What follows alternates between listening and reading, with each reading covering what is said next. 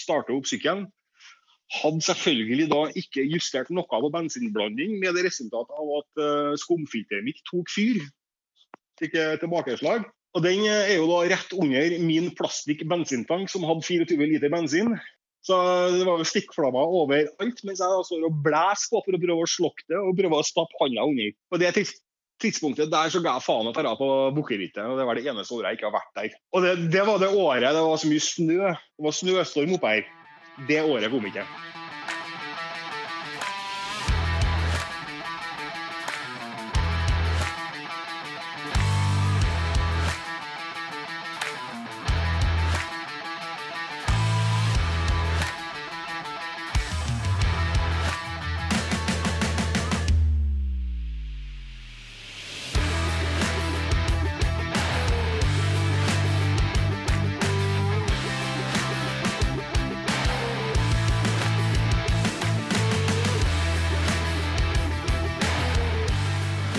Velkommen tilbake til Rally Nord-podkast. Mitt navn er Dennis Travolta. Og i dag så skal vi snakke om eh, særegne kjøretøy med knotter på hjula. Jeg eh, ringer opp eh, dagens eh, gjest, og eh, da skal vi høre hva han har å si om det. For jeg tror det er en kar med sterke meninger. Da har vi lyd, i hvert fall. Det ringer, det ringer, det ringer. God dag. God dagen. Hvem er det jeg snakker med nå? Nå snakker du med Frode Hagemo. Hallo, Frode. Du, dette er jo ikke helt uh, sånn uh, for oss uh, uventa at vi endelig har denne samtalen. Vi har vel prøvd å få til dette her nå i ja, seks-sju uker nesten, eller? Ja, det har jo krasja litt i og med at jeg jobber på båt og ute på sjøen, og der er det ikke akkurat mye dekning til tider. Nei, du, du, er på båt og jeg jobber skift. Det er en skikkelig dårlig, dårlig, kombinasjon til å prøve å få til noe seriøst. Um, etter, ja? ja, etter permisjon uh, i forbindelse med covid, så har jeg jo knapt nok vært i land. Uh, må oh, ja. liksom ta igjen alt det andre. Å oh, ja. Altså, du har, uh, du har hatt covid? Eller? Nei, jeg har ikke hatt det, men uh, hele Hurtigruta stengte jo ned i uh, mars i fjor. Så begynte okay. de sakte, men sikkert å rykke opp. Ja, for nå, nå tar vi det, hopper rett inn i den som jeg tenker blir en del av introduksjonen av deg, da, Frode. Ja. Uh, jeg fikk et tips, fordi at jeg er jo alltid ute etter artige personer å, å prate med. Og da var det noen som tipsa meg. Han derre der Frode Hagemo, han må du snakke med, sier de, vet du. For han, eh, han, har mye rart for seg. Og da tenker jeg OK, nå veit vi i hvert fall navnet ditt, men eh, vi må ta litt sånn Hvor er det du kommer fra, og, og hvor bor du, og sånne ting nå? Ja, nei, jeg er nå trønder, da. Ja. Født og oppvokst i trønderhovedstaden. Ja. Samboer og tre barn. Ja. Uh, Men du jobber på båt? Jeg jobber på båt. Der har jeg vært nå i uh, over 20 år. Ja. I Hurtigruta? Interessant. Ja, interessant nok det, egentlig. For jeg skulle egentlig bare jobbe 11 dager.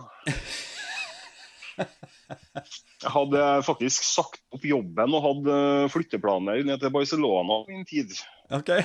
en kom kompis av meg som ringte og spurte om jeg skulle ta 11 dager på Hurtigruta. For da får du betalt for 22, det er som lompenger. Ja. Uh, greit nok, det. 20 år etterpå. Jeg har fremdeles ikke kommet meg til Barcelona. Så den har jeg gitt opp. Men lommepenger lompenger har det blitt underveis, eller? Ja, det ble noen motorsykler etter hvert. Ja. Kan man jo si. Ja, For da, nå har du 40 år med lompenger, da? Ja, ja det... men uh, siden, siden vi dobler liksom, med det. Ja. Jeg, jeg kjøper jo ikke akkurat nye ting, jeg kjøper jo eldre ting, og så bygger jeg om dem. Ja, for du har jo selvfølgelig en særegen interesse, og det er jo motorsykkel. Den, eh, men den starta på et eller annet tidspunkt, da? Du, jeg har bestandig egentlig holdt på med tohjulinger. Jeg tror jeg var 16 da jeg kjøpte min første 350, en XT for øvrig. Ja. Men allerede før den tid så hadde jeg en eh, DT80 som jeg syns gikk for dårlig, så jeg ja. sveisa om ramma og satte inn en YZ 125-motor inn. og da var du 16 år når du gjorde det? Nei, da var jeg 15, tenker jeg. Ja, og det er ikke så veldig mange 15-åringer som tar tak i eh, vinkelslipper og sveiseutstyr og modifiserer ramma si med en gang. Nei, nå skal det jo sant sies, at jeg hadde jo ikke begrep om hva jeg holdt på med den gangen. Altså, Det var en ramma ble skeiv og hele pakka, det Det var kanskje en fordel. ja, kan man si. Ja. ja, da var det Det var liksom greia. Da, da var det Men eh, åssen bodde du da? Var det sånn på bygda, eller var det i byen, eller var det Nei, da, jeg bodde i Altså, jeg er bygutt. Jeg bor i Trondheim som i byen. Så Ja, ja, det her var i garasjen hjem til mor og far. Ja, ja, ja. Det var jo Så- kanskje ikke bare bare å frese rundt på disse syklene midt i eh, Trondheim sentrum, eller? eller? Altså, jeg bodde jo på Risforan. da. Eh, Det er jo en drabantby, eh, Trondheim. Okay. Og Ja. det, det var jo den tida jeg egentlig Ja. begynte å kjøre på vinteren og sånn, men altså, vi, Ja. vi visste jo ikke bedre. Det var dongeribukse og hele sulamitten. Ja, det er, eh, det er supert. Det er herlig, altså. Den tida der var egentlig veldig fin. Det var liksom ikke altfor mye støy. Det var, eh, det var eh, bare å kjøre på. Nei, det var jo ikke en bekymring i verden. Nei, Det var jo nei. ikke Nei, det er litt deilig. Nei da, men du har jo Du kom deg på båt, da. Hva er det du gjør på båten, forresten? Du, Der sitter jeg med all logistikken. Og alle innkjøpene til båten. Å, fy faen. Så det er innkjøp og regnskap og hele sulamitten. Ja. Og det får jo Så- da nesten bananlogistikk til å bli simpelt. Ja, eh, vi har jo nærmere 100 forskjellige leverandører, da, og så er jo Mm. båten hele tida i bevegelse. Så det er fryktelig mye logistikk og tenk fram i tid. Ja. Så det er mye tall og kalkyler. Ja. ja, det skjønner jeg godt. Og nå har det vel ikke vært veldig enkelt heller, da, i de periodene vi har vært gjennom det siste året. Nei, eh, å ta ut en båt fra opplag det kan jo nesten sammenlignes med å ta ut et nybygg. Eh, det er liksom stille og rolig de første 14 dagene, så har jeg jobbet ræva av meg den siste uka. Ja, ja, Off. fy faen. Og I rolige perioder så har jeg leka matros og mala båt og fortøyd og Ja. sånne ting som jeg aldri gjør. ja, ja, men det er kanskje greit å få en avveksling? Men der har du jo også den delen som er litt interessant, da, for jeg sitter jo med to uh, PC-skjermer på jobben til enhver tid. Og uh, den ene har nå en tendens til å stå på eBay etc. etc. hele tida. ja, fordi at Og jeg, jeg har jo en tendens å kjøpe alt mulig slags motorsykkeldeler som jeg overhodet ikke har noen plan og mening for, men som jeg sikkert får bruk for en gang i framtida. Ja. Og der ser du liksom på det siste bygget jeg holder på med nå, den Husabergen. Den eh, tanken og den kåpa det er egentlig fra en 1988-modell Aprilia 125 totakter. Det er så nydelig. Og jeg, når jeg kjøpte det, så tenkte jeg har ikke peiling på hvordan bygd den skal på, men uh, den er kul. Ja. Du likte formen? Altså, bare, jeg likte formen. Ja. Og så har jeg litt størrelse på den, og det er jo plastikktank og alt det der. Ja. Så jeg kjøpte den av en kar i Bulgaria som var litt desperat etter å selge i forbindelse med covid, han òg. Så jeg fikk det jo for ingenting, rett og slett. Ja. Men uh, dette her uh, det bringer oss tilbake til altså, fordi at uh, Nå snakker du om en husarbeid som er i aldeles nyere tid. da. Dette er jo noe du har henta nå nylig, så vidt jeg veit. Men, men at du sitter med noen italienske deler Vi må jo begynne der, da. Fordi at ettersom jeg veit, så, så er det italienske motorsykler som på en måte har stått deg nærmest. Ja, jeg hadde, hadde jo runden min med Yama XT, og så hadde jeg en Triumph Tiger når jeg bodde nede i Oslo. Ja. Den solgte jeg vel egentlig på slutten av 90-tallet. Ja. Etter det så gikk jeg jo rett på Kagiva Elephant, og har egentlig vært veldig trofast til dem, for det er noe helt vanvittig bra maskiner. Ja. Jeg solgte den ene i 06 når BMW lanserte den nye GSA-en som jeg kjøpte. Riktig. Riktig. Og det er vel egentlig nærmeste skuffelsen jeg har hatt av en motorsykkel i hele mitt liv, den GSA-en. Det er deilig at du sier det. Jeg kjøpte en splitter ny i 07, og det var akkurat samme maskina den gangen. Ja, Ja. nei, altså, det er jo typisk tysk, det er jo kvalitet. Du gir gass, og det er tysk, det er traust. Men du får liksom ikke den omfen i Nei. ræva når du kjører, sånn som du har med en uh, Ducati. Nei. Nei. Det, det, var ikke samme kjøreglede. En annen ting er at den ble litt det tyngste laget når han for og kjørte inn i mm. skog og myr. Mm. Så jeg knakk vel egentlig to bein i skuldra etter en utilsikta salto med en uh, for en del år tilbake. Og da bestemte jeg meg for at ok, det var noe lettere, og da fikk jeg tilbud på en overligger av en uh, hva heter det da? X-Challenge BMW. Ja. ja 650? 650, ja. ja. Uh, det var jo også en stor skuffelse, for det viste seg jo at det er jo en reinspekka Aprilia. Ja. Og motoren vel bygd i Kina. Så jeg, tror jeg aldri har hatt så mye trøbbel med elektronikk på en motorsykkel som jeg hadde med den uh, X-Challengen. Nei. Det røyk noe hele tida, og det var rareste ting. Og... Nei. Så jeg kjøpte jo tilbake den ene elefanten jeg hadde, og så har jeg nå endt opp med litt flere etter hvert. da. Ja, for at når, du snakker om elefant, da skjønner jeg at da slår hjertet litt uh, tyngre. For at du har kjøpt tilbake, og, men du har, uh, du har et eller annet slags kontaktnett uh, i det store utland, har du ikke det? På disse tingene. Du sitter litt dypt i den der elefantfella, gjør du ikke det? Ja, Det blir litt sånn når du holder på med sykler som ikke produseres noe mer. Eller et uh, merke i seg sjøl er jo lagt ned for mange mange år siden. Ja.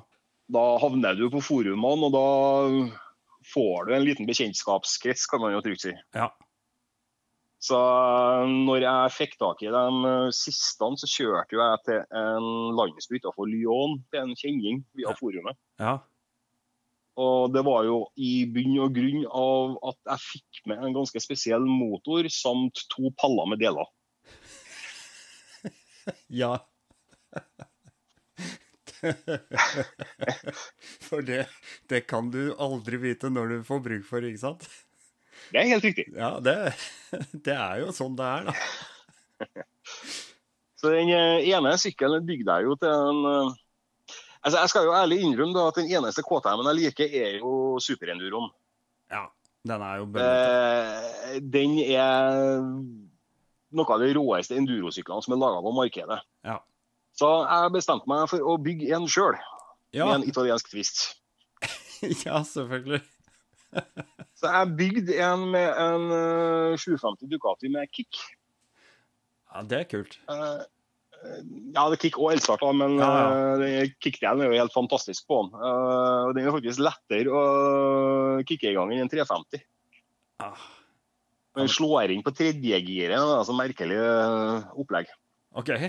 Men summa summarum da, så bygde jeg jo ny bakramme på han. og hadde jo kikka litt på nett og fant ut at jeg liker den uh, Huskverna 511, altså i design. Ja. Ja.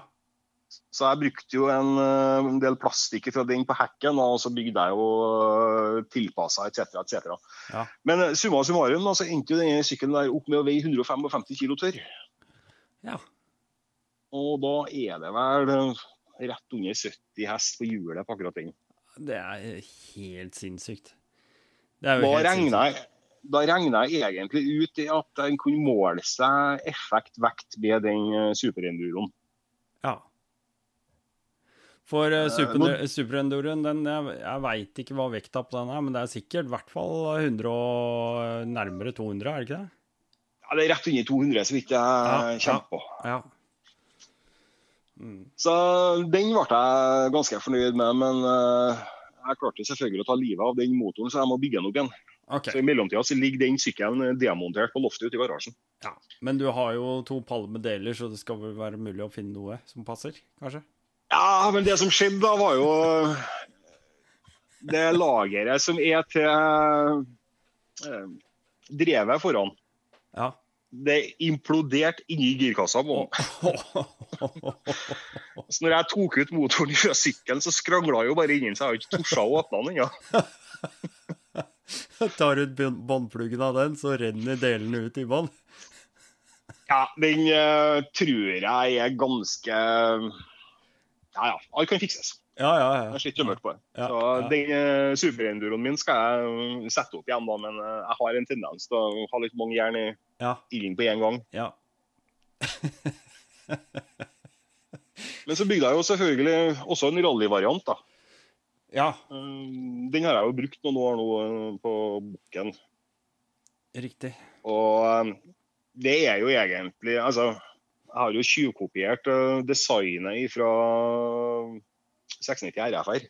Ja. Fordi jeg syns rett og slett at det er noe av de vakreste Dakar-syklene som uh, har gått. Ja, tøffe sykler. Skikkelig tøffe. Men så er jeg veldig der at uh, Jeg har jo sett folk som uh, bare tar av noen deler og setter på noen deler, og så ser det ut som det passer sammen. Og det ser jo helt idiotisk ut i mine øyne. Mm, mm. Så jeg er jo veldig der at det skal se ut som det kommer fra fabrikk. hvis du skjønner hva jeg mener. Ja. Det skal, det skal se strømlinjeforma ut. Ja, for det er, det det er litt sånn det, mi, Dette er min mening, som egentlig ikke betyr noen ting, men jeg ser det at eh, når folk skal bygge sammen ting, så, så liksom Ja, de har et kult styre, de har en kul hekk, de har noen kule hjul, de har ditt og datt, men når du setter det sammen, så er det liksom bare s- Ser det bare skrot ut. Altså Delene i seg sjøl kan være kjempekule, men sammen så blir det bare tull. Ja, det er litt sånn jeg tenker, jeg òg. Ja. Uh, om du har en R-sykkel, så skal du bare hive av kåpa og sette på doble lykter foran. Og oho, nå har jeg laga meg en uh, ja. rampesykkel. Skikkelig Street Fighter. Det ser bare ut som noe som mangler på den. Ja. ja, jeg skjønner. Ja. Så eh, elefantene eh, kan jeg jo veldig godt, da. Eh, de toventilersmotorene de eh, har jeg jo demontert og satt sammen noen ganger, for å si det mildt. ja. På rallysykkelen så er det jo en opprinnelig innsprøytningsmotor som er bygd om til forgasser. Ja, riktig. Og den er vel i bunn og grunn satt sammen av tre forskjellige typer motorer. Mhm. Resultatet på det er at jeg har jo hatt store problemer med å få gasserne til å bli uh, synkront helt sånn som jeg vil ha dem. da. Ah. okay. Så, etter snart ti år på bukkerittet i fjor, da ble den perfekt. Etter at jeg måtte stoppe øh, Jeg kjørte vel to kilometer, og så rant jeg jo over så det sang etter de gasserne. Og tok jeg demonterte den foran en øh, bom, Ja. justerte flotterne med øyemål, og det var så spot on som det aldri har vært før. Men da røyker jo bakdemperen min, selvfølgelig. Så det er jo ikke noe gass igjen inni demperen, så jeg knuste jo hele hekken på sykkelen da jeg for og kjørte. Og... Nei, nei, nei. Å, faen. Så noe er det jo selvfølgelig hele tida, men uh, he, he. Hva skal jeg si? Det er jo en 30 år gammel sykkel, det er jo veteransykkel. Ja, det er jo tross alt det.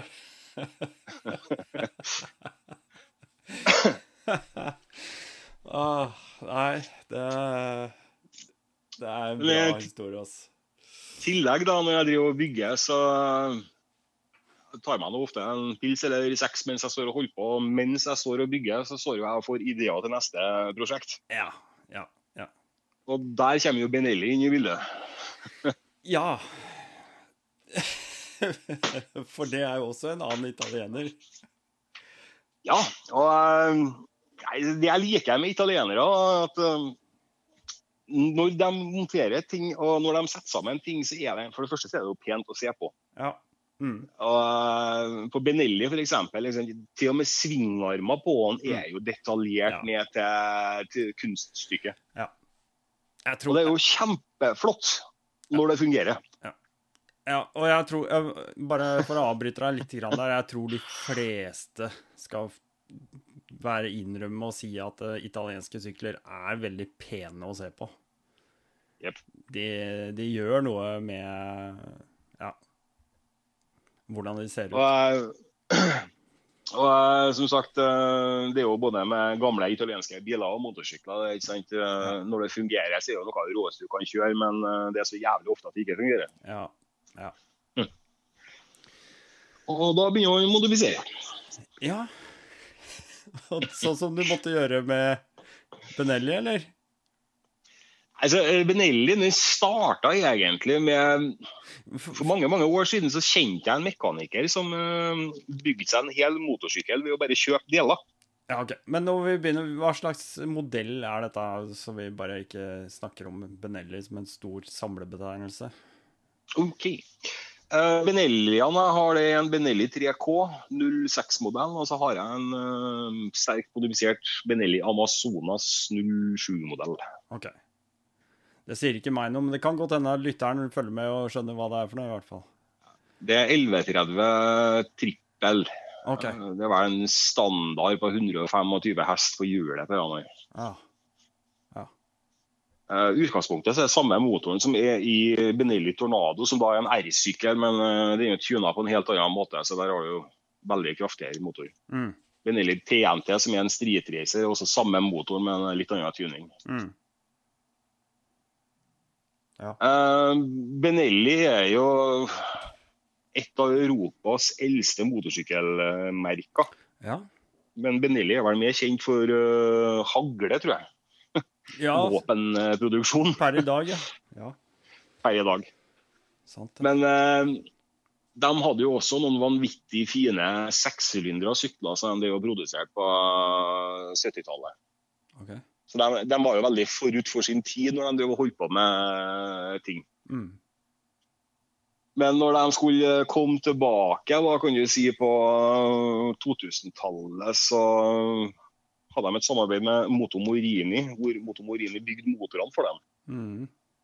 Der ble det gjort noen feil i eh, marginene på delene. Mhm. Med det resultat at det var jo motorhavari over eh, lang rekke på 1130-ene. Okay. Ryktet til Benelli gikk jo rett i kjelleren, og de hadde ikke økonomi til å rette opp. da, du skjønner hva jeg mener. Ja. ja.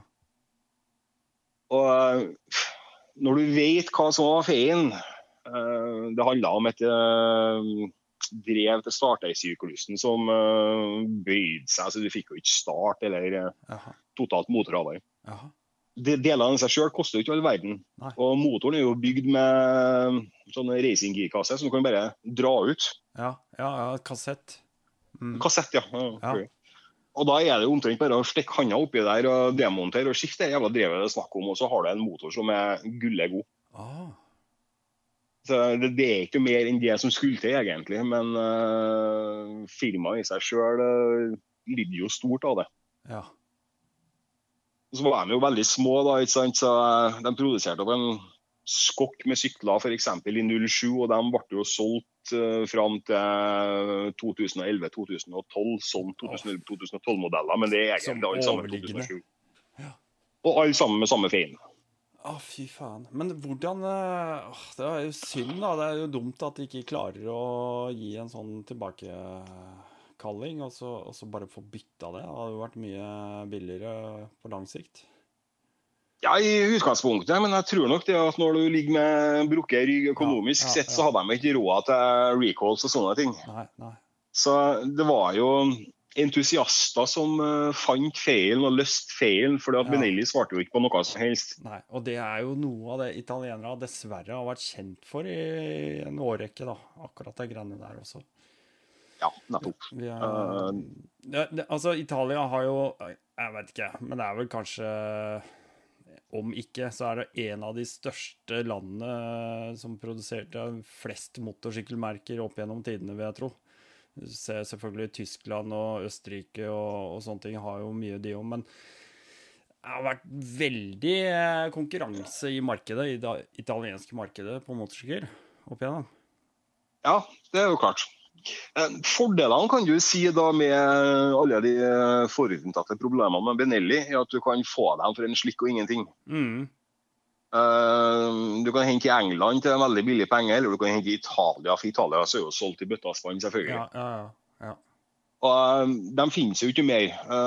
De ble solgt til Kina. ja akkurat. Så Nådestøt. det er, det er riktignok en fabrikk i Fesaro den dag i dag hvor de hevder at de skal bygge den nye eh, trekken. Trekken er jo da en touring offroad, som jeg kaller det. kan du si. Okay. Så at den skal liksom være et uh, italiensk brand av det kinesiske eh, merket. Ah, For Kina driver jo kun og fokuserer på småkubikk. Ja. Ja. Og stjeler design fra BMW og sånne ting. Ja, ja, ja, det gjør det. Ja. Men eh, du har jo som sagt da sånne entusiaster som eh, Maniac Motors i Tyskland, da, som har spesialisert seg på bl.a. Benelli og MV Augusta og den type sykler. Mm. Og de driver faktisk og produserer deler sjøl til bl.a. Benelli sin 1130. Okay. Så der jeg fikk tak i delene, drevene. Og da sendte jeg egentlig bare en mail til eieren av firmaet. Liksom, Hva trenger jeg? Så fikk Ja. jeg mail tilbake. Du trenger det herre. Takk. Ja. Tar det. Ja, ikke sant? Hæ. Så Fordelen kan du si med sånne nisjemerker som både Cargiva og Benelli, at det er bestandig noen som har dem øh, nær til sitt hjerte og gjør det de kan for at de fremdeles kan gå på veiene. Ja. Nei, jeg, jeg, jeg, jeg gikk på en smell her i våres. Jeg, så jeg kjøpte meg en 72 Moto Guzzi, eh, en sånn 850 GT. Eh, Riktig. og har ikke noe erfaring med italienske motorsykler overhodet fra tidligere. Jo, det har jeg, jeg ljuger litt. Men, ehm, men eh, jeg ser det at delemarkedet er eh, Det er ikke noe problem å få tak i deler til den, i hvert fall. Det, det Etter Kagiva så er det jo ganske enkelt, for Kagiva eide jo Ducati i sin tid. Ja, Det var derfor det var Ducati-motorer i øh, elefantene. riktig. Og den motoren var jo også brukt på Ducati Monster, så motordeler er ikke er noe problem å finne. Nei. Skal du derimot prøve å finne noe av plastikk og den type deler, så er jo det verdt sin vekt i gull, selvfølgelig. Ja. Ja. Men eh, jeg oppdager jo det nå, at eh, etter å ha holdt på med Kagiva nå i ja, godt over 20 år, Mm. det er lettere å finne deler til Kagivaen i dag enn hva det var for 20 år siden. Akkurat. Ja, men det kan, kan det ha litt med at uh, ting blir uh, tilbudt på sånne ting som eBay og sånt nå også? At det er lettere å komme over det, eller? Det er lettere å komme over det, selvfølgelig, men jeg ser jo også det at de som uh, var entusiastiske for 20 år siden, er ikke like entusiastiske i dag. Så Nei. de uh, splitter opp sykkelen og Ja. selger den for deler, Akkurat. Ja. Riktig. rett og slett. Mm, mm. Ja, jeg må ta, jeg må ta en sånn eh, liten avsporing her. Fordi at jeg, jeg sa det at jeg har jo hatt en italiensk motorsykkel en gang i tida, jeg også. Eh, uten at det var eh, kom noe stort ut av det. Men jeg hadde en Harley Davidson Aromaki okay. 350 med vuggeramme. Og det var litt eh, Den er litt spesiell. Den er nok et eller annet sted oppe i Trondheimsdistriktet den dag i dag, tror jeg. Det, var det noe som var bygd for det asiatiske markedet? Nei, den ble bygd for det europeiske Nei, det amerikanske markedet. Altså det vil si at uh, Armaki, som var en, uh, en liten produsent av motorsykler, uh, gikk konkurs tidlig på 60-tallet. Um, okay. Men Harley Davidson hadde et problem på hjemmemarkedet sitt i uh, Uniten. At de var jo store på Harl Davidson. Eh, men Harl Davidson fikk veldig mye konkurranse fra japanske motorsykler. Som eh, Ja, Honda og Yamaha og Suzuki og alle disse store merkene der. Kawasaki og sånn. Og og det de trengte da, det var jo selvfølgelig et eget brand som kunne konkurrere med disse små syklene.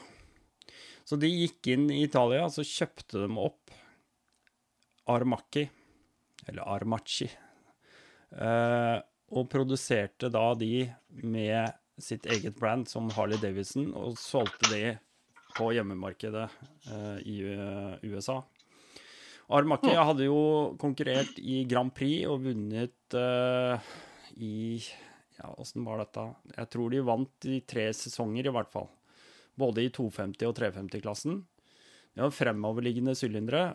Jævla morsomme motorer. Langslaga.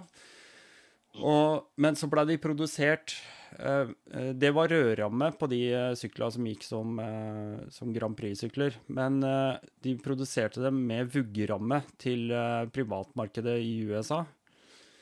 Eh, og som også blei introdusert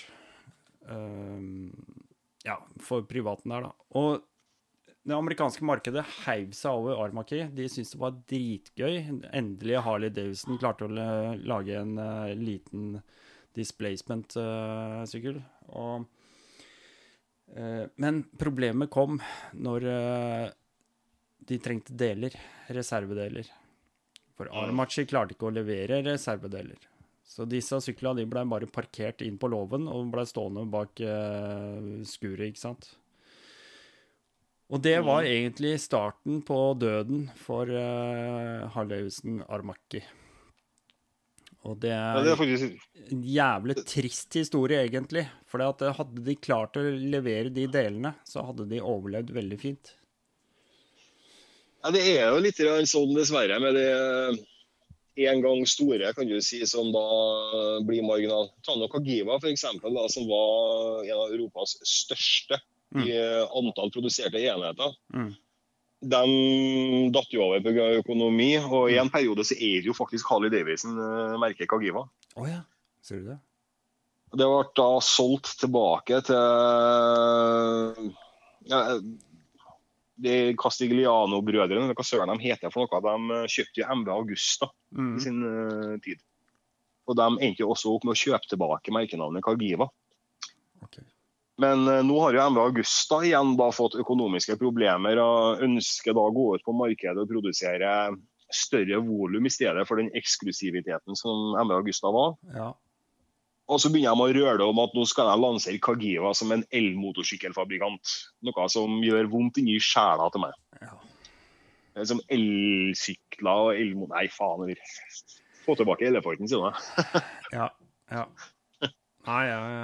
Det er ja, det er jo flere som går eh, den veien. altså Se på Harley Davidson også. Nå, ok, De har kommet med den adventure-sykkelen sin, og sånne ting, men det er ikke det jeg tenker på. Jeg tenker på Nå har du jo lansert elsykkel også. KTM har jo kjøpt opp en el-tråsykkelfabrikant i stor stil, og ja, de kommer sikkert til å hente masse inspirasjon og kunnskap om eh, batteriteknologi osv. derfra også, og motorteknologi. Det er nok sånn at eh, veldig mange ser bilindustrien har jo snudd helt på huet. ikke sant?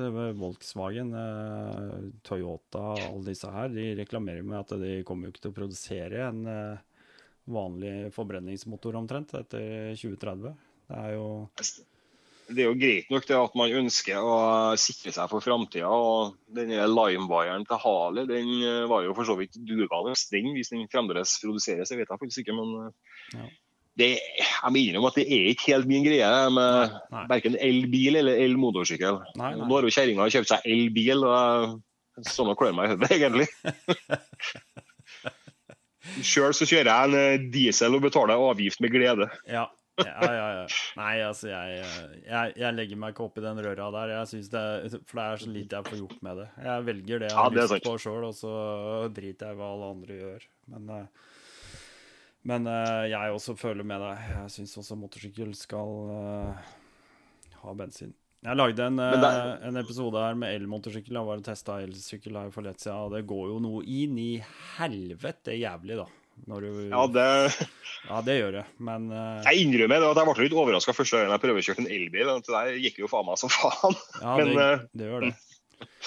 Men uh... Nei da, det er andre ting som tikker, og det er andre ting som Og folk er forskjellige. Så... Der har du også litt på motorsykler i dag. ikke sant? Jeg foretrekker jo eh, keep, keep it easy. Uh, ren mekanikk. Mm, eh, mm. I det øyeblikket vi begynner å bli ABS med her og ABS med der, og sensorer og elektronikk ja. Ja. Jeg er ikke fan av det, for da blir det ikke inn på min kunnskap. Da står jeg oppe i skogen og kommer meg ikke videre pga. at en forbanna bryter på støtta ikke fungerer. Ja, ikke sant? Mens jeg med forgasser som sagt kan demontere sykkelen i skauen og kjøre videre etterpå. Det, ja.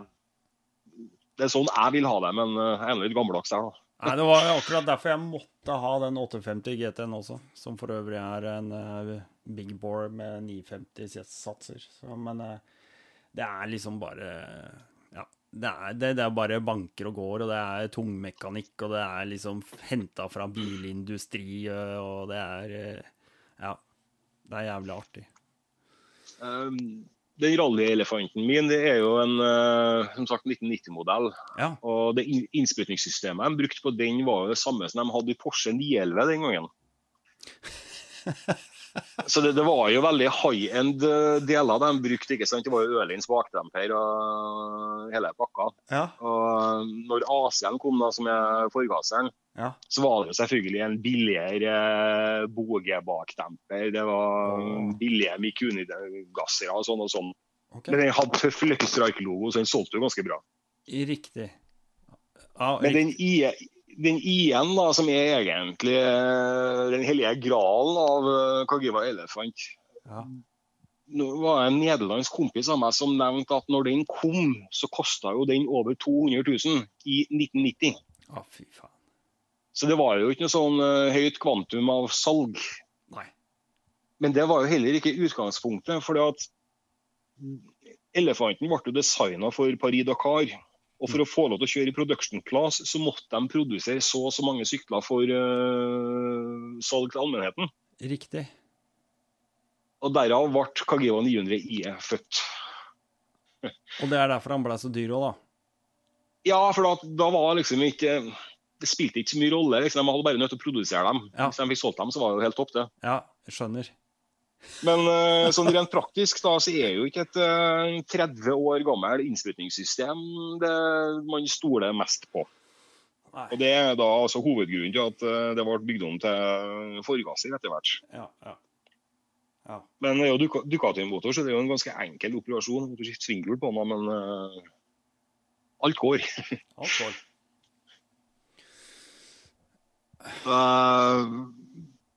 elefanten har jo Eh, racing-bakgrunn. Ramma er jo konstruert nettopp til den tanken. Eh, motorkarakteren på Ducatien er jo helt fantastisk til den type kjøring. Mm. Den er jo råsterk. Mm. Så jeg vil jo si det at en dag i dag så kan jeg sammenligne komponenter på denne I-en som altså er minst like god som en sykkel som produseres i 2020. Ja. Ja, det tror jeg er godt. Altså, og så må man tenke på at uh, for 30 år siden så produserte man kanskje med litt mer godstykkelse og sånne type ting også. Dag, solid, ja. Hæ? Ja, solid, ja. Ja, og, og, i dag så kalkulerer man liksom og prøver å, og liksom tyne vegger og det som er uh, for å få lavere vekt og, og, sånne ting, som ikke nødvendigvis gjør at det blir mer holdbart uh, heller. Må jo huske på det at den den elefanten, ikke sant, når den ble produsert, så ble den produsert med plastikktank fra Aserbis. Ja. Så den er jo uhyre lett. Jeg tror den veier 178 kilo tørr. Oi. Så kan du sammenligne da med Yama sin supertenere fra samme æraen, ja. som da har eh, ståltank og hele sula. Ja, 230 den jo nettopp. Ja. Og da begynner vi å snakke 50-60 kilo i differanse på like mye effekt. Ja, ja, ja. Ja, det... Selvfølgelig, Kagivaen krever litt mer vedlikehold enn Yamahaen, men uh, mm. Samme er egentlig med Africa-tvilen fra den æraen. Det er jo langt over 200 kg. Mm. Ja. Det er, eh, det er kult å se Se hvordan det ja, altså ting utvikler seg jo, ikke sant. En 450 FRF i dag er jo Ja, det er en helt annen liga, men jo, det, det, det, det, starter jo det, det, har jo starta allerede for 30 år siden, ikke sant. Det var jo da man starta. Man har jo tenkt disse tankene. Og jobba seg ja, altså, jeg, jeg, likte jo Dakar før i tida, kan du si, når de kjørte med hjemmelaga sykler som de har bygd på låven. Mm. Om du kom med en uh, gammel R80, så fullførte de løpet, og alt var vel. Ja. Nå har det blitt for mye fabrikkteam, for mye Det er for kostbart. Jeg er helt enig. Jeg er helt enig. Uh, jeg kikker fremdeles på Dakar, men det er ikke like interessant som det en gang var. Nei, jeg følger ikke med lenger heller, jeg skal være helt ærlig. Jeg syns ikke det er Det er ikke spesielt gøy. Jeg, jeg fulgte jo med i storhetstiden til Pål Anders Ullevålsæter, selvfølgelig. Ja, det er jo klart. Og, og, og, det er jo klart med et stort hjerte for en mann som han. Altså, men jeg ser måten han ble behandla på i Dakar og av KTM, fabrikk og sånne ting, så syns jeg bare det er pil råttent, hele greia. Det er rett og slett bare dritråttent. Ja, det har blitt det. Eh, og ja, det sier seg sjøl. Det er bare penger. Så Ja.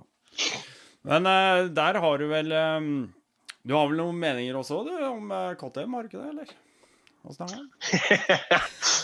KTM, ja. Det Hva skal jeg si? Eh, nei, altså Jeg har jo blitt en sånn sjølerklært KTM-hater. Jeg skal aldri eie en KTM i mitt liv. Unnta, unntaket må jo være hvis jeg får en veldig billig superenduro kaster den til meg. Ja, ja. Men da tror jeg lakker den i en annen farge, egentlig. er en annen sak. Da blir du med Lucky, lucky på sida. Nei, eh, jeg liker ikke helt den politikken som eh, KTM holder på med. ikke sant? De, eh, ta noe, for eksempel, de kjøper opp Husarbeid for at de vil ha tilgang til VP-dempere etc. etc. Så produserer de et par år, og så legger de ned merket. Ja.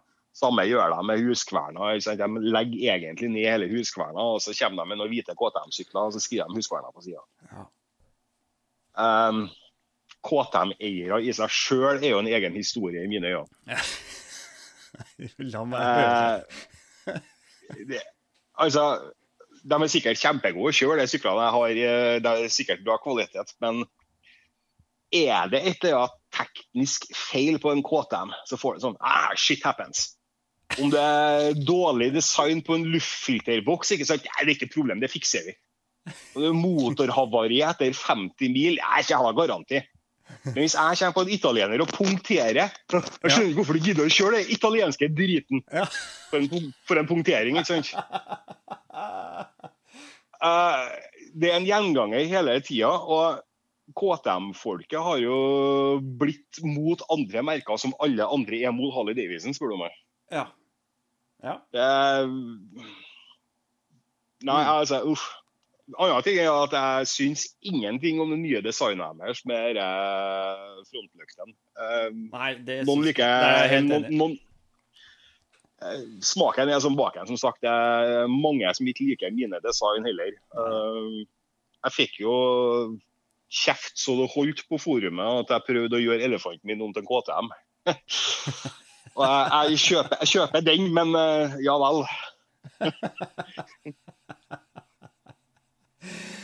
Nei, jeg, jeg kan være veldig enig i mange ting av det du sier her, og, og så kan man jo le litt av det. Men jeg syns jo du er inne på noe også. Jeg, eh, denne, disse her båsene som eh, ofte kommer, da. Altså, Harlevesen prøver jo å komme seg ut av dette gode skapet sitt eh, med å lage nye sykler og, og gå inn på el og alt mulig. og adventure-markedet og sånne ting, og kapre nye. Og det må de for å overleve. Hvis ikke så er de stein dau i, i løpet av kort tid. Uh, Det er jo helt klart. ja, det er, det er en strategi som de er bare nødt til å følge, ellers så kommer de ikke noe videre. Men, eh, Men så, Harley Davidson gjør det for å overleve, for å få volum. Ja, ja, ja. Eh, KTM gjør det for å kvitte seg med konkurrenter, ser det ut som. i øyne. Ja, og det er, du er inne på et eller annet der. Og det er klart, det er ikke veldig mange Jeg kjører også Huskverna, men jeg vet jo i bunn og grunn at det er en eh, 690 eh, jeg kjører. Uh, på mange måter. Så jeg vet jo det. Uh, men allikevel, jeg ville aldri kjøpt en Personlig hadde ikke jeg kjøpt meg en 790 med det der jævla stygge frontlykta, jeg heller. For jeg hater den eh, frontlykta. Det er jo helt jævlig åssen de har klart å få den til å se ut som en jævla gresshoppe Ja, ikke sant? med oransje klær. Det er jo helt merkelig. Men det er en annen Det er min mening, og det kan jeg stå inne for. Men og, og så får jeg Så tillater jeg alle andre å gjøre hva de vil med det. Det er jo helt fint. Men det er, det er, det er veldig polariserende på en måte. Nå, nå har jeg jo riktignok sett noen kick som har blitt laga til den derre 790 og 890, eller hva søren det er for noe. Mm, mm. Der den blir vesentlig finere som en rallyvariant. Ja, ja. Men nå, nå syns jo jeg egentlig at alle sammen går for den signen med over-underlykt. Nå begynner det å bli for vanlig, og da går jeg mot strømmen og lager KP som side om side. Ja, ja. ja. Jeg, jeg har aldri likt å ha noe som alle andre har. Nei, jeg kunne ikke vært mer enig. Så alle mine bygg er jo egentlig eh, unik på verdensbasis i mine øyne. For det er ingen andre som gidder nei, nei, nei. å gjøre det jeg gjør. Nei. Uh, sånn som Amazonasen min, altså Benellin, uh, den har jeg jo bygd om til grusmaskin. Det er ganske tøft. Jeg skal jo være helt ærlig og innrømme at det er en av de mest ubrukelige grusmaskinene jeg har hatt. Men det ble nå gjort. Og det er ingen andre som har gjort det på samme måte som uh, jeg gjorde. Uh, jeg forstår hvorfor, men vel. ja. ah, det høres så deilig ut. Du må sende meg noen bilder som jeg kan legge ut på Instagram og dele med folk, så folk kan se.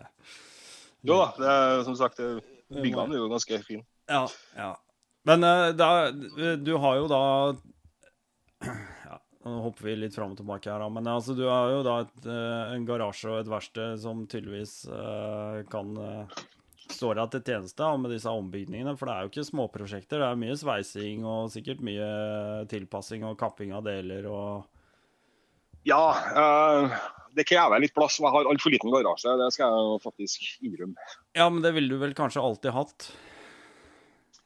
Jeg flytta jo nylig fra et hus med en relativt grei størrelse på garasjen til en uh, garasje som var halvparten så stor, så det okay. var en litt strek i regninga. Ja, det er strek. Det er som regel ikke den veien vi vil gå.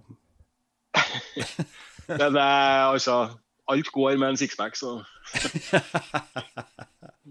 folk, folk, spør meg jo ofte liksom hva kosta det meg å liksom bygge den sykkelen der, da? Da begynner jeg å regne ut hvor mange Heineken jeg har drukket. Ja.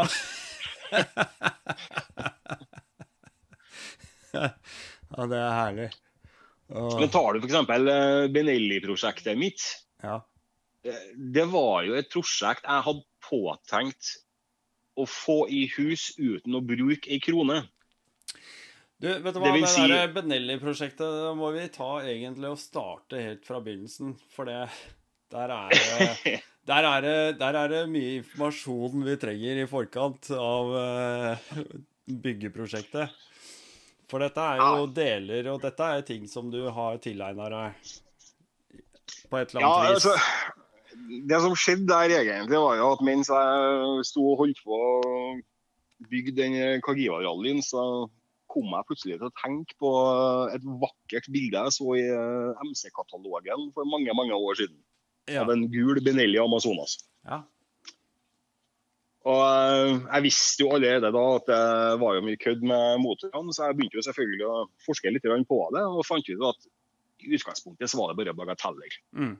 Som vi snakka om i stad, det drevet. Riktig. Ja.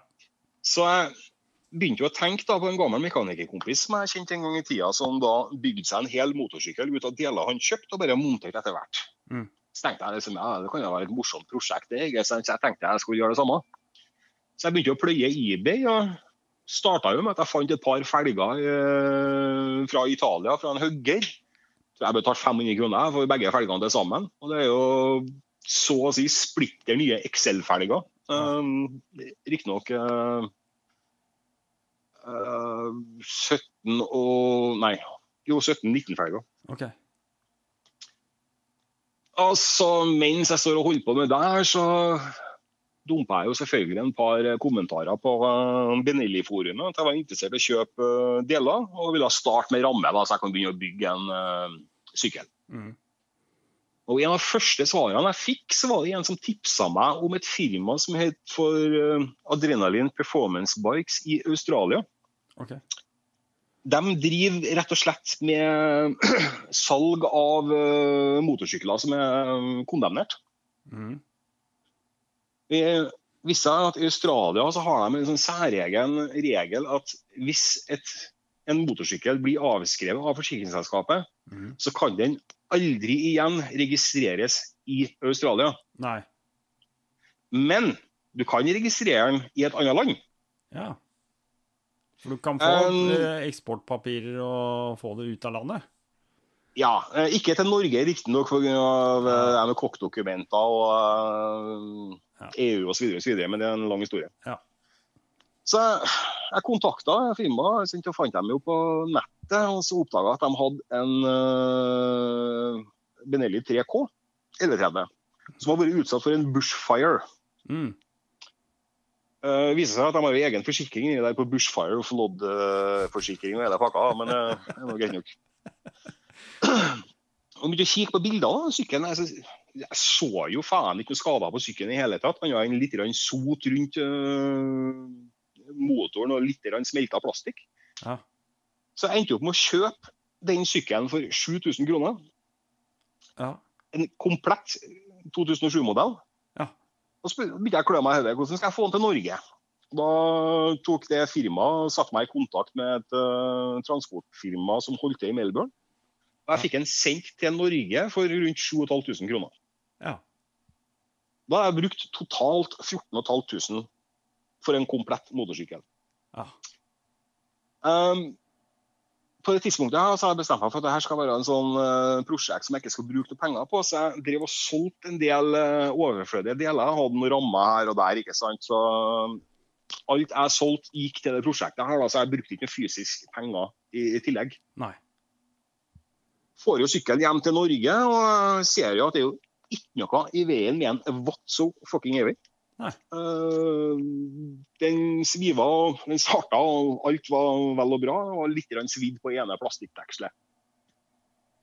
Så kontakta jeg da for forumet mitt igjen om det noen som hadde et sånt plastikkdeksel, og om det er noen som da eventuelt kunne hjelpe meg med ramme, for da skal jeg prøve å få tak i meg europeisk ramme og hive over delene. Ja. Igjen så kom det jo da en kar som uh, tilfeldigvis hadde en Amazonas stående i Bristol med motorhavari. Ja om jeg var interessert i den. Ja jeg inn der, tenker jeg meg selv, så, så tenker jeg liksom, ja, Det er jo lengre slaglengde på demperne. Den er jo mer uh, den offroad-typen jeg skal ha. Så hvorfor ikke, tenker jeg. Ja. Så jeg bestemmer meg for å kjøpe den da, og fikk den 10 000 kroner. Ja. Uh, så begynner det interessante, kan jo si da, for selgeren hadde, han, han, var gift i sin tid med, og hadde vokst opp i Bristol men sjøl så bodde han i Singapore. Ja, ja. Så sykkelen sto hjem til ekskona. ja. Eh, ja, OK, iallfall så langt, tenker jeg. ikke sant? Men han uh, kunne jo da fortelle meg at han hadde ikke mye kontakt med ekskona, så han var litt usikker på hvordan hun tok det hvis jeg bare ringte. Ja. Ja. Mm, ja vel. Uh, på samme tida så hadde jo jeg solgt ei ramme til en uh, MC-bygger oppe i Northampton. Okay. Eh, som også driver sitt eget firma. Så jeg spurte han da om faen er Northampton langt unna Bristol. Ja, det er et lite stykke, sier han, men uh, hvordan det? Nei, skjønner, jeg har kjøpt en sykkel nedi der, så jeg lurte på om du eventuelt kunne svippe han nedover og hente han. Ja. Nei, Det var ikke noe problem, for svigermora hans bodde i Bristol, så han kunne kjøre innom der. Det var ikke noe problem. Ja. Så han, uh, Kevin han ble satt i oppdrag med å innhente denne her. Og når han kommer og skal ringe på døra til hun dama, da, så fikk han jo døra i trynet og bedt henne dra seg til helvete unna. ikke sant? Eh, OK. Jeg hadde selvfølgelig glemt av å sagt at det var noen ekskone som i bildet her. Så på tidspunktet her var jeg på båten, så han begynner jo å sende meg meldinger ikke sant, om eh, hva faen som foregår. Og jeg begynner da å snakke med en uh, Ian som bor i Singapore. Det gikk mailer fram og tilbake, og det ble jo litt forsinkelser pga. tidsforskyving og sånne ting, så jeg fikk aldri tak inn Ian når jeg skulle ha dagen. Så det endte opp med at Kevin og Ian holdt på å deale sjøl. Bak min rygg. Ja vel. med det resultatet av at han til slutt da, fikk jo henta ut denne sykkelen og tok den med seg hjem. Ja. Og Før jeg fikk snakka med Kevin, da, sant, så hadde han vært litt nysgjerrig på hva faen var det som var galt med motoren. Der. Så han demonterte hele driten og begynte å se på motoren. Så han fiksa jo motoren. Ja, ok. eh, OK, tenker jeg med meg sjøl. Liksom, jeg har jo en motor stående her i Trondheim. ikke sant? Det var jo en liten strek i regninga. Ja. Men uh, han er jo en Yamaha-mann, så han var jo egentlig bare nysgjerrig på hvordan en jævla italienerne var bygd. Uh, jo for øvrig en lang historie om hvor idiotisk det var satt sammen, men uh, det er noe Yamaha i et nødnedskall. Ja. Så når han først hadde sykkelen opp der, da, og den faktisk starta og gikk, så sier jeg faen, du driver jo med restaurering og bygging av rallysykler.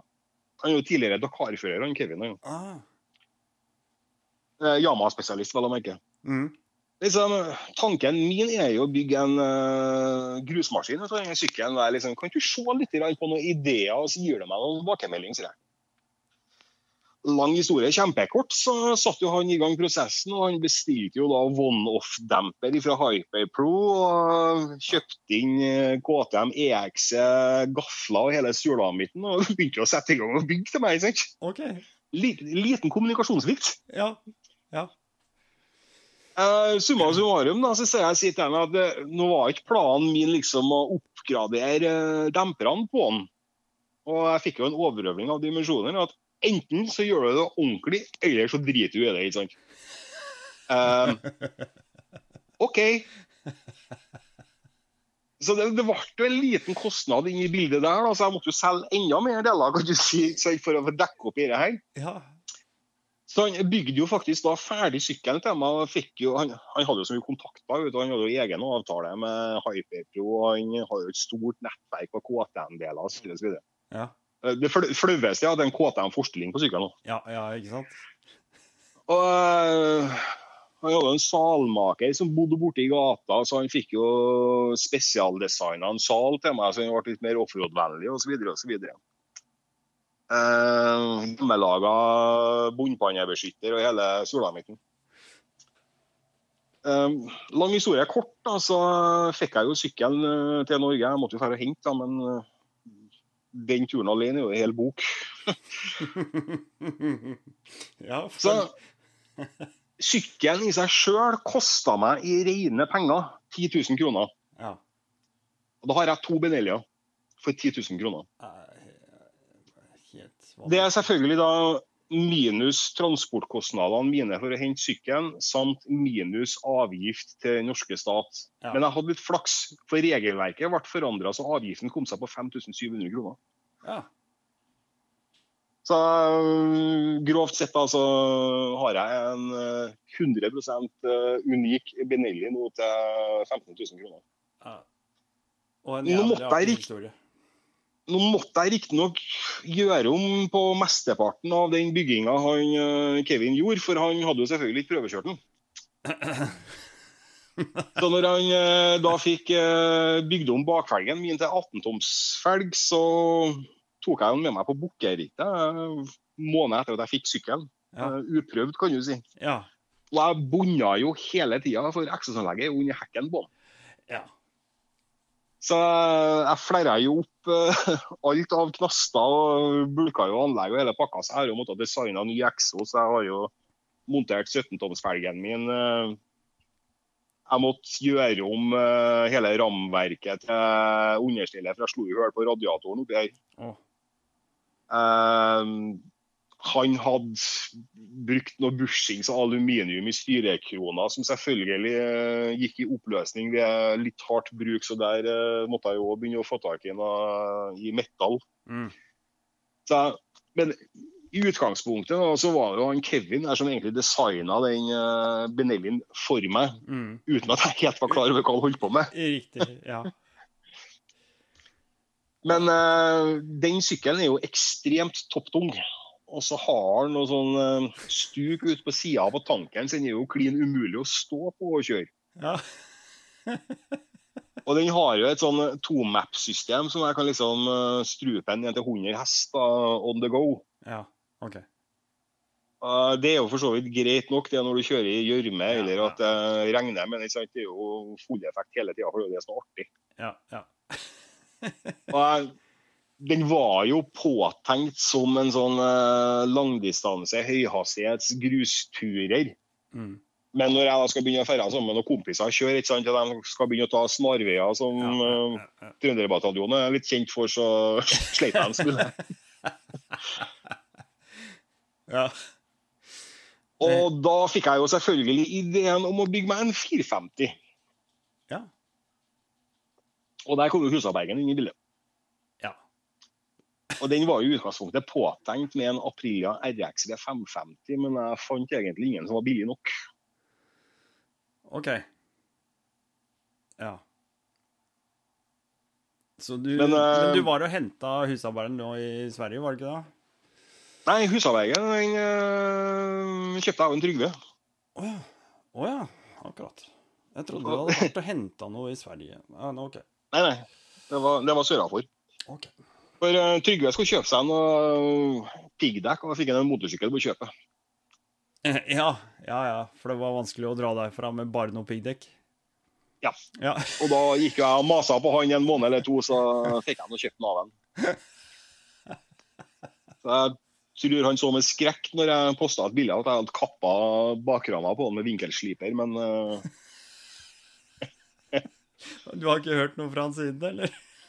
Jo da, jeg får meg meldinger ny og ne. Ja, nysgjerrig selvfølgelig, men uh... Ja, da, han er en fin fyr. men uh, Husabergen, da, den lander godt under 120 kg tørr. bakrama som jeg satt på, er jo aluminium, så jeg har spart noen gram der òg. Ja, det er bøllete, du. Så den blir ekstremt høy, og så blir den kompakt. Den blir litt kortere enn uh, en normal motorsykkel. Jeg liker dem uh, litt tettere når jeg kjører, egentlig. Enmannssykkel, selvfølgelig. Mm, mm. Så blir den ganske lub lubben i front, da, for det er jo ganske stor framtank. Ja. ja, for du har jo Der kommer jo disse delene vi begynte med, som du har satt på. Ja, uh, hele sykkelen blir jo bygd ut av deler jeg allerede hadde liggende så slenge. Mm. Så Bakramma, den baktanken, det hadde jeg jo i forbindelse med den Kagiva Enduro-prosjektet, som aldri ble brukt. Ja. Um, det Aprilia-tanken, og det kjøpte jeg bare for jeg syntes de så kule ut. Ja. Så, uh, ja, jeg har kjøpt et par eh, frontlys fra Kina til 500 kroner. og De lyser jo faen meg så sterkt at det, det er jo så mye sol som blåser opp. Ja. Så dem bruker jeg å bygge om litt, så jeg får dem vanntett. Ja. Og uh, Husavvergen der, den har jeg faktisk uh, kjempetrua på. Den blir høy, da. Jeg målte uh, høyden til 110 cm her om dagen. Å, fy faen. Men den er jo smal, da. Ja. Da er det bare å stige opp i fart. ja, jeg, jeg er nå ikke så kort. Nei, det, for min del hadde jeg vel eh, fått den oppunder armen, antagelig, omtrent. Nei, ikke fullt så ille, men ikke langt unna sannheten heller. Ja. Så det skal bli interessant, for jeg har jo hatt en husarbeid på sent 90-tallet en gang. Eh, nei, altså en sent 90-tallsmodell. Og det var jo noe av det største ræla jeg noen gang har vært borti. Ja. Så jeg skulle jo aldri mer ha husarbeid, tenkte jeg. Men uh, det her er jo Husaberg etter at KTM eh, tok over, så kvaliteten uh, er jo faktisk høyere. Ja. ja. Jeg, synes... jeg, har ikke prøvestarta den ennå. Jeg skal bygge den ferdig først. Mm. Og så får jeg eventuelt ta motor etterpå. Ja. Og Den skal jeg bruke på Bukkerittet. Hvilken hvilke modell er denne, sa du? 06. Ja, OK. Er det den uh, framoverliggende Nei, det er normal motor. Ja, ja, den kom etter, den. Den kom litt etter, gjorde den ikke det? Ti, rundt ti ja. uh, pluss minus. Ja, OK. Jeg hadde jo litt lyst på den 570 med den framoversylinderen, ja, men prisen skvatt i været ja. til prosjektet. Det stemte ikke inn med budsjettet mitt. Nei, de er de er litt dyrere, men de er sinnssykt kule. Ja, de er jo visstnok jævlig driftssikre òg, har jeg hørt. Ja. Nei, det, det, er en sånn sykkel jeg kunne godt tenkt meg å ha hatt en sånn sykkel stående. Til litt uh, lek og moro. Men så har du jo som sagt da kontaktnettet mitt, sånne ting. Jeg har jo en engelskmann jeg kjenner som uh, lager dekaler til meg som er designer sjøl. Mm.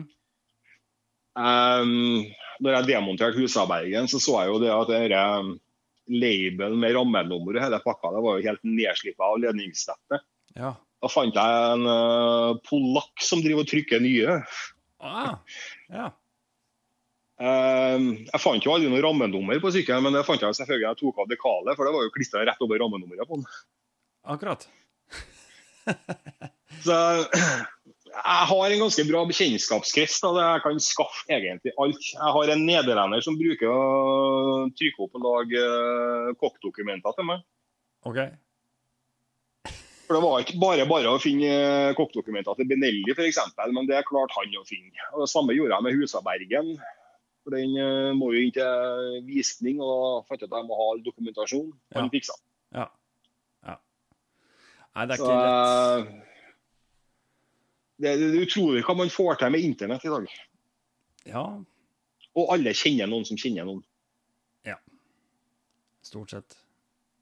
Stort sett. Du skal, men du skal på bukkerittet med Husaberg i år, da, eller? Det er planen. Ja. Um, har jo selvfølgelig et tidspress da, som vanlig. Ja, ja.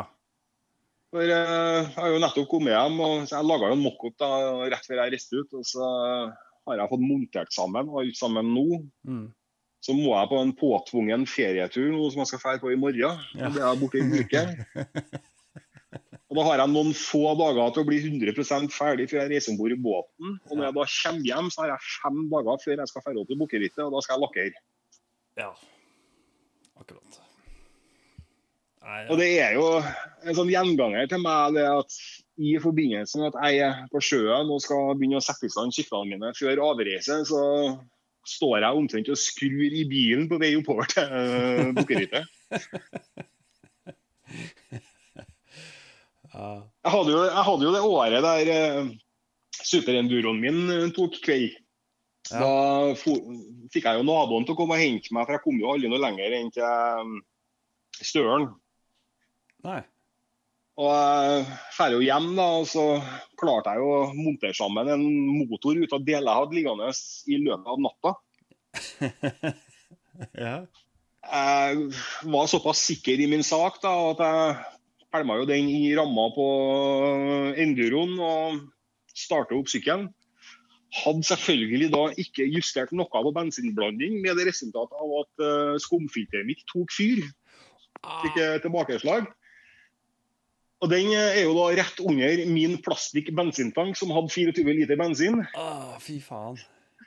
Så det var jo stikkflammer overalt, mens jeg står og blæser på for å prøve å slokke det og prøve å stappe handa under.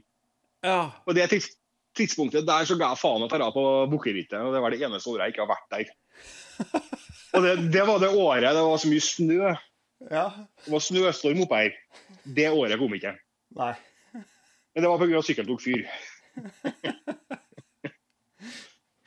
da, da, parkerte jeg sykkelen, og så var jeg ikke inne i garasjen uh, før til våren. Nei. Da, da fikk jeg nok. Ja. Å, fy faen. Det ene året så slet jeg jo ut kløtsjen min, så hadde jeg hatt med meg noen kløtsjplater fra 2015 som selvfølgelig hadde et annet spor enn uh, kløtsjplatene til 900. Så jeg måtte låne meg ei fil, så sto jeg og fila kløtsjplatene oppi her og slappa inn i. Tørrkløtsj på dem. Henning Kasa sto jeg bare Du kan ikke gjøre sånn! Du kan ikke gjøre sånn! Det funker ikke, det! Du kan ikke det! vet du! Funka som faen, det. har, det har det vært noen år eh, hvor det har kommet helskinnet gjennom eh, bokrittet? Uten eh, et eller annet med syklene? Ja. mm. Usikkert. Nei, eh, noe har det egentlig bestandig vært. Men som regel så har det vært bagateller i mine øyne. Ja da. Eh, jeg slo jo hull i radiatoren på Benellien, ikke sant? men jeg hadde jo kjemisk metall med meg. Ja. Jeg, er jo sikkert den eneste som i verktøyveska mi har med meg loddebolt ekstra ledninger. Ja, ja, ja. ja. Det kjører jeg alltid med. Nei, men En fordel med å ha skrudd sammen alt sjøl, er at du veit akkurat hvordan ting er lagt opp. da. Du trenger ikke å drive og feilsøke altfor mye. Du veit hvilke ledninger som går hvor, og hva som går hvor. Det er jo en fordel alltid. Ja, og så har du KTM-mannen som selvfølgelig står og skuler på meg og kritiserer at jeg skulle ikke kjøpe noe som fungerer, i stedet for den italienske driten. Ja, ja, ja. Så jeg kjenner jeg begynner å bli mer og mer fornærma dess gamlere jeg blir. ja, det er ja. Jeg, spør, jeg veit ikke, jeg har jo aldri vært der i de eh, Men, men eh, jeg eh, jeg, sy jeg syns at man må applaudere folk som gjør ting som er annerledes, ja da. Jeg, eh, jeg, syns, altså, jeg syns det. Jeg mener at folk skal gjøre hva de vil, men uh, som sagt, jeg mener at det er en ganske stor forskjell på å kjøpe et ferdig kit og montere sammen det er mm. kontra å faktisk bygge fra scratch. Mm. Det er det. Eh, tar, tar du jo kåpa på Kagiva-rallyen f.eks., så har jeg jo støpt den i glassfiber sjøl. Mm, mm. Så jeg lager jo delene. Eh, ja, jeg bruker en del eh, deler fra andre, men så tar jeg og støper dem om så det skal være tilpassa så det ser ut som det er en produksjon. Ja. Uh, hvor mange bakrammer jeg har bygd opp gjennom årene, det har ikke jeg tall på, men de funker nå. Mm. Uh, Access-anlegg gjør meg heller ingenting. Det tar jeg egentlig bare ut akkurat sånn som jeg vil ha det. Mm. Husabergen f.eks. nå så Jeg hadde tilfeldigvis kjøpt uh, en sånn eh, dobbeltsett fra en uh, gammel XT-sett Ja. av av en OTC. Ja. Uh, to Leo Vince-potter. Bare sånn just in case. Kjekt å ha. Ja. Så på Husabergen nå så får han selvfølgelig da den potta der eksosen skal være. og Den andre den blir jeg å røske ut innmaten på og bruke som en verktøyboks. Ja, ja, Så du får Smart. Ja. doble potter, men den ene er i bruk, da kan du si. Ja. Og da får jeg unna noen ekstra slanger og eh, verktøy og sånn og sånn, og sånn, og så Mm. får du en helhetlig design og strømlinjeformer. ja, ja. Nei, jeg har sett det på andre sykler, ikke, er det Trygve som har en sånn uh, superenduro? Ja, Forskjellen er at eh, her blir jo to exospotter. Da kan du si, Ja, sånn, ja, ja. Bygger om exospotter, Ja. så det ser litt mer eh, Ja, kjent ut. skjønner, skjønner. Nei, det var bare de tankene jeg dro det mot. Men uh, det er noe som du sier, ser ut som mer Men nå ble det jo en strek i regninga. for Jeg hadde jo tenkt å ha en uh, tredje tank på Husabergen uh, under salen. mm. Uh, Pga. det kompakte designet så får jeg egentlig ikke plass til den tanken, men da får jeg plutselig et veldig stort bagasjerom rett og slett sånn. Ja. Så sykkelen eh, ser ut som den blir mer uh, nyttig enn jeg hadde tenkt. ja. Men så blir det jo interessant ja, at nå har jeg jo såpass mye bensin at jeg må jo skifte olje eh, før jeg fyller opp tanken. Du Skal, skal begynne å følge intervallene. ja, riktig. Hvis du skal følge de, ja. Ah. Ja, det er noen uh, heftige intervaller på de syklene, vel. Det er nok det. Nei, du, jeg syns, jeg syns uh, Vet du hva, jeg er så jævlig lei for at jeg ikke får vært på jeg kan, uh, Folk mobber meg så mye de vil for, men eh, kona blir 50. Hun har bursdag akkurat eh, den samme tida hvert år da, som vanlig. Og det er jo når bukkerittet går, og i år så er det 50 år. Da veit jeg at eh, Jeg skal ikke be om noe pent vær der, i hvert fall. Det er litt Nei, det er litt sånn, litt sånn til meg òg. Bukkerittet er nå den samme datoen hvert eneste år. og Samboeren min blir jo like overraska hvert eneste år når jeg sier at jeg skal på bukkerittet. Ja. Det er veldig Ja. Uh, snudde om turnusen nå, ikke sant. Uh, så sier jeg jeg gjorde det for at jeg skulle være mer hjemme sammen med deg og ungene når dere har ferie. Ja. Uh, jeg rekker ikke å snakke ferdig engang, så sier jeg at ja, beleilig at du hadde fri under bukkerita. Hæ? Hva mener du? Ah. Nei Men jeg bruker jo, jeg bruker jo å dra den litt lenger. Jeg, så jeg tar jo langhelg fra mandag til søndag. Ja, ikke sant? Men altså, pga. turnus, da, pga. at jeg er mye ute i garasjen, jeg syns det er artig å være i garasjen. Mm. så blir det jo relativt lite kjøring på meg. Ja. Uh, senere årene så har jeg jo stort sett bare kjørt bukkerittet. Mm. Ja. Uh, hittil i år så har jeg kanskje kjørt 40 mil. Ja, riktig. Men når det er sagt, så har jeg jo knapt vært hjemme i år pga. Uh, uh, koronasituasjonen og sånne ting. Da. Men uh, Mm. Det er litt typisk da, nå når jeg er alene og det er knallvær i Trondheim, så i stedet for å kjøre sykkel, så står jeg i garasjen for å skynde meg å bli ferdig med en husarbeid. Ja. Nei, men altså, det er, eh, det er uh, sunne hobbyer å ha, tenker jeg da. Så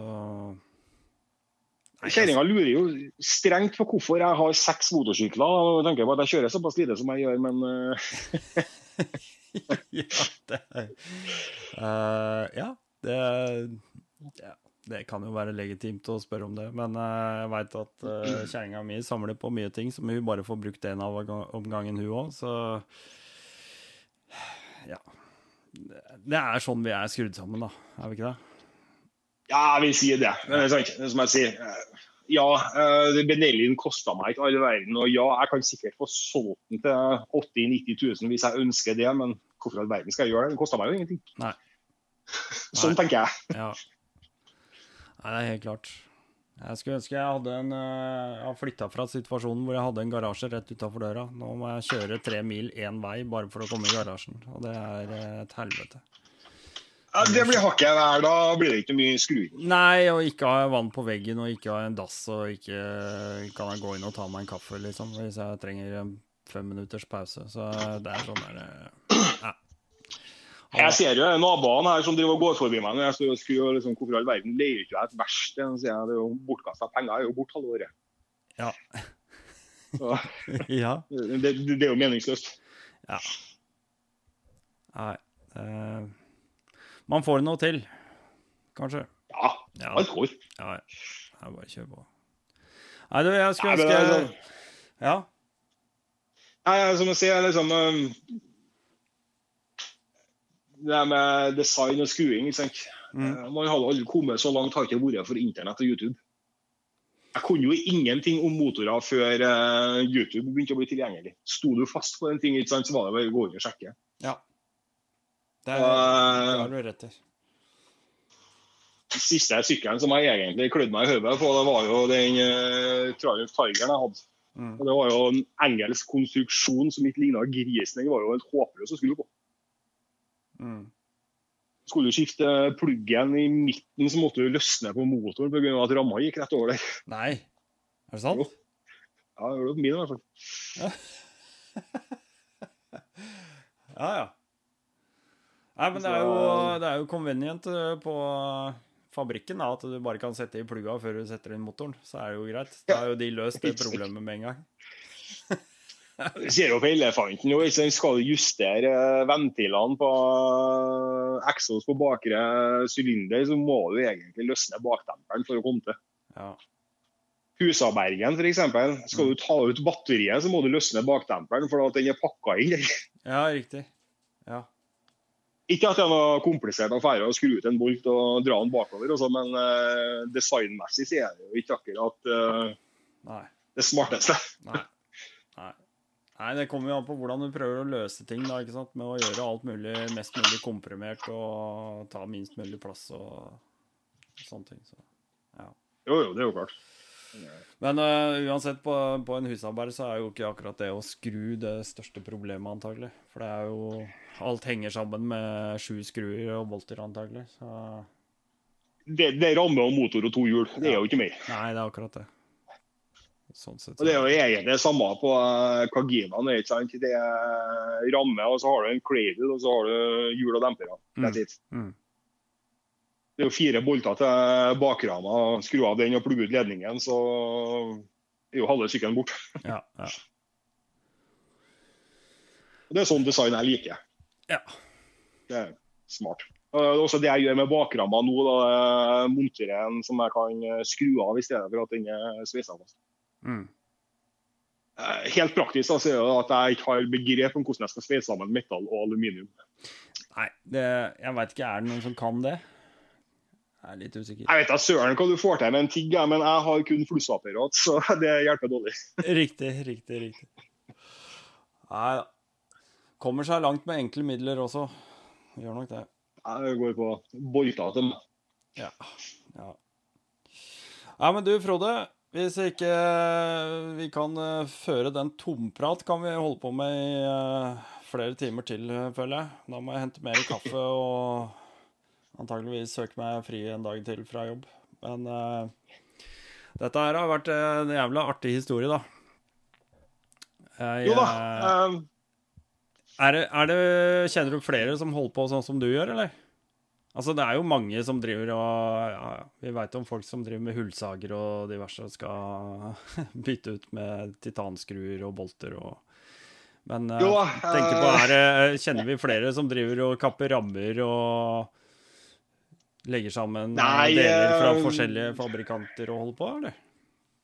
Av oss trøndere så er det vel egentlig bare jeg som driver på på det nivået her. Du har Jon Øyvind, han er jo relativt kreativ da, på Ja, ja. løsninger. Ja. Og han er vel egentlig den nærmeste som jeg mener virkelig går i dybden på ting når han først holder på. Jeg var hjemme hos han eh, for et par uker siden, faktisk. Ja, riktig. Ja, Nei, eh, Jon Øyvind han er flink, han er kreativ. Men han er vel en ingeniør, da, så ja. Men eh, som sagt, resten eh, kompisene mine hvis du setter nøkkel i tenninga, så skal det fungere. Ja. Jeg må bare nevne en eh, historie av en kompis av meg. Mm. Han hadde eh, kjøpt seg en sånn eh, Triumph Bondevill Ja. for mange mange år siden. Og for ned til Oslo for å hente den og kjørte den hjem. og så forteller han til meg faen han var så hard på gassen. Ja. Jeg kikker jo på sykkelen, og så ser jeg jo at eh, gassvaieren er helt eh, oppflisa. Ja. Så sier jeg da at eh, stikk ned på Raid i Trondheim, og så kjøper jeg eh, ny gassvaier. Ja, det skal du jo gjøre, da. Mm. Så går det noen år, Noen år så forteller han meg at gassvaieren røyk. Ja, men den skulle jo skifte for flere år siden, sier jeg. Ja, men det funka. Ja. Ja, og så Nei, så skifta jeg den gassvaieren sin.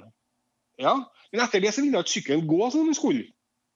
Her sier jeg at du skifta gassvaier, så ville ikke sykkelen gå. Nei, så i stedet for å plage deg, så for jeg ned på raid med sykkelen sin. Ja. Uh, OK. Og det verste sier han at når jeg kom for å hente den, så står han i skranken og sier han, du må vente litt, jeg hadde lova å hente mekanikeren når du kom. Mekanikeren kommer ut, Ja. står og tørker seg i fingrene og står og kikker på kompisen min og begynner å flire, Ja. og så går han. Ja. Eh, hva var det, sier han kompisen. Nei, du skjønner det at du har montert gassvaieren på choken. Å nei. Å nei. Å? Så det måtte vi på verkstedet for å fikse.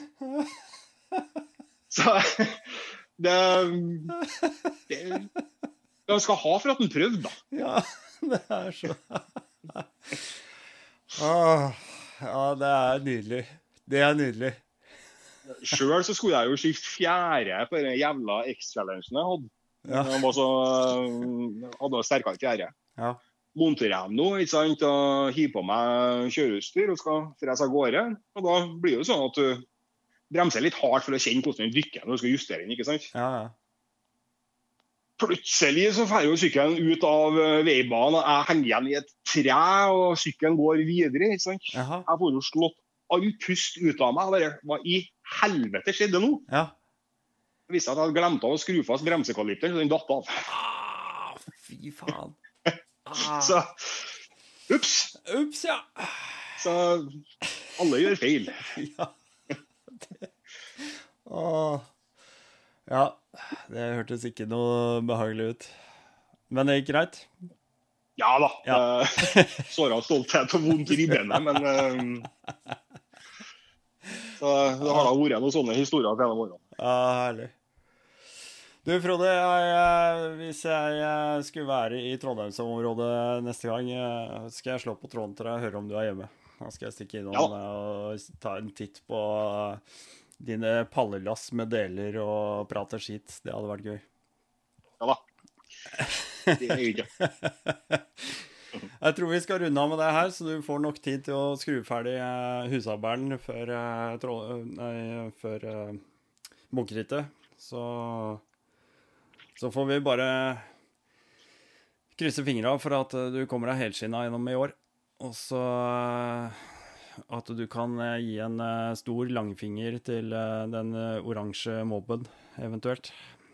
Hvis er det er sånn du føler det.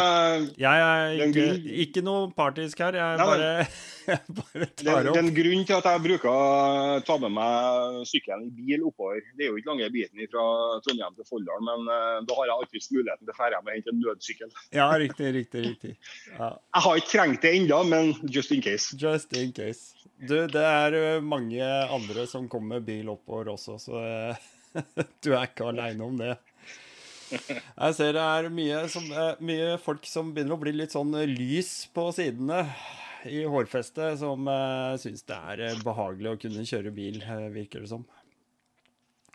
Det er litt praktisk når det er pissregn og du skal hjem. og Ja, det er det. Det er det. Det må jeg ærlig innrømme. Det er sånn det er. Så Nei, men da får vi bare krysse fingra, som sagt. Yes, yes. Veldig hyggelig å prate med deg.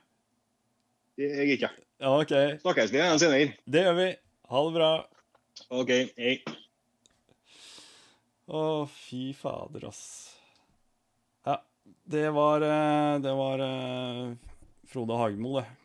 En utrolig artig skrue. Eh, jeg mener selvfølgelig ikke å pisse noen opp etter ryggen, verken med det ene eller det andre merket. Men jeg håper for all del at jeg kan frede han Frode litt og la han holde på med det han gjør, for det, det er jo Ja.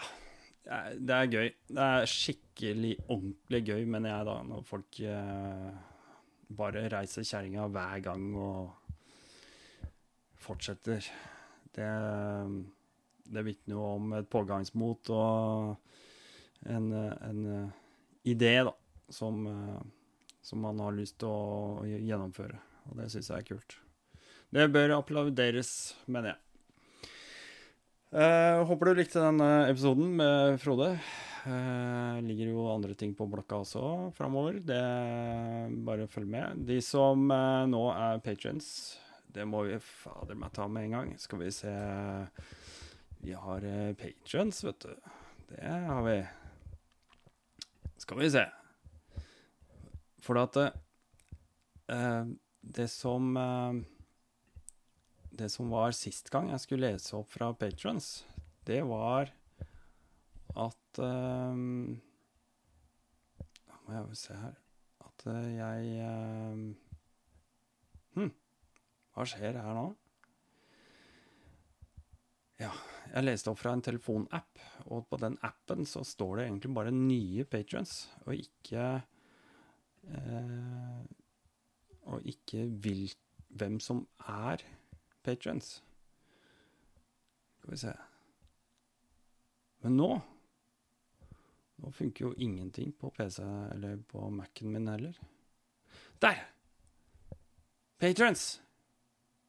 Stor takk til Ruben, Tor, Rune, Frode og Thomas. Og Thomas han klarte jeg jo ikke å få med meg sist gang, fordi at uh, appen på telefonen min den viser da bare nye patrients, og ikke hele lista over alle patrients. Så jeg trodde jeg hadde mista Thomas, men Thomas er med, og det er veldig hyggelig å ha disse folka med på laget.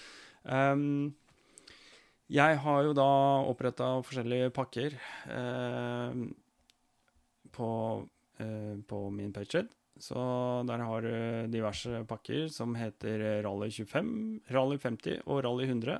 Og disse tallene de bare beskriver et eventuelt månedlig beløp som du kan være med på. De pakkene gir også ja, forskjellige fordeler, skal vi si det sånn. Um, Rally 25 er jo egentlig bare for å ja, at du setter pris på det du hører. At du syns det er verdt 25 kroner i måneden. Og det er vel prisen av den dårligste pilsen du kan kjøpe på Rema.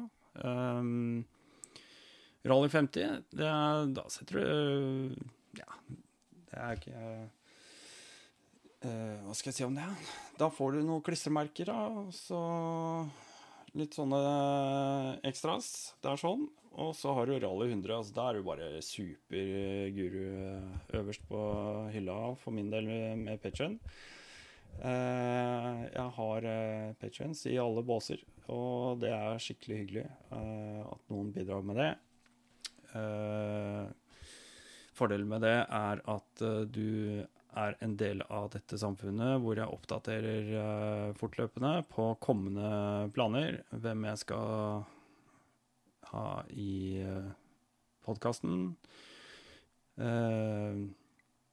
Vi får oppretta en sånn egen kanal hvor vi kan chatte litt, hvor vi kan ha litt FAQs, sånn type ting. Det er litt tanken også etter hvert. Og så ja, så hedrer jeg selvfølgelig med å lese opp navnene deres. Um, dette er jo ikke noe som du må gjøre. Eh, en annen fordel med å være patron, det vil være at i fremtida så vil patrons få en eksklusiv RSS-feed. Dvs. Si at de får en egen link eh, som de bruker der hvor de hører på podkast, som gjør at de får podkasten med en gang, mens eh, de som ikke betaler, de må vente en uke eller to før episoden blir tilgjengelig. Så det vil si at de som er patrions, de får uh, høre med en gang det er noe rykende ferskt. Og øvrigheten, dere må bare smøre dere med litt tålmodighet, og så kommer det etter hvert. Men uh, det er i hvert fall en, uh, en stor fordel med å være patrion hvis du syns denne podkasten er interessant. Så det ligger litt i kortene framover. OK? Tusen takk til alle patrions, til alle dere som lytter på ellers også. Veldig hyggelig at dere følger med. Setter veldig stor pris på tilbakemeldinger. Uh, har du noe du har lyst til å ta opp, eller noen du mener jeg bør snakke med, skriv en mail. rally.nord uh, at gmail.com. Uh, dere finner meg også på Instagram. rallynord. Rally.nord uh, på Instagram. jeg er ikke så veldig aktiv på alle det. Det er så jævlig mye medier. Det er så mye medier. og må prøve å mm, sortere litt ut uh, hvem jeg skal benytte meg av og ikke. For veldig mange av disse sosiale mediene gjør jo akkurat samme jobben, uh, disse plattformene. Så får bare ta det litt deretter. Uh, takk til Frode igjen. Det var kjempekult. Jeg håper han kommer med et bom brak på, på Bukrit i år. Hilse så mye. Husk å si fra til hvis dere hørte på podkasten. Si at det var en jævlig kul podkast, og minn han litt på det. Det setter han sikkert pris på. Uh, ja. Da er det ikke så veldig mye mer jeg trenger å si. Jeg glemte å si shalabais. Shalabais, shalabais. Det var noe dritt. Det må jeg aldri glemme igjen. OK. På gjenhør inntil neste episode. Kan hende dere får et lite delay, dere som ikke er uh,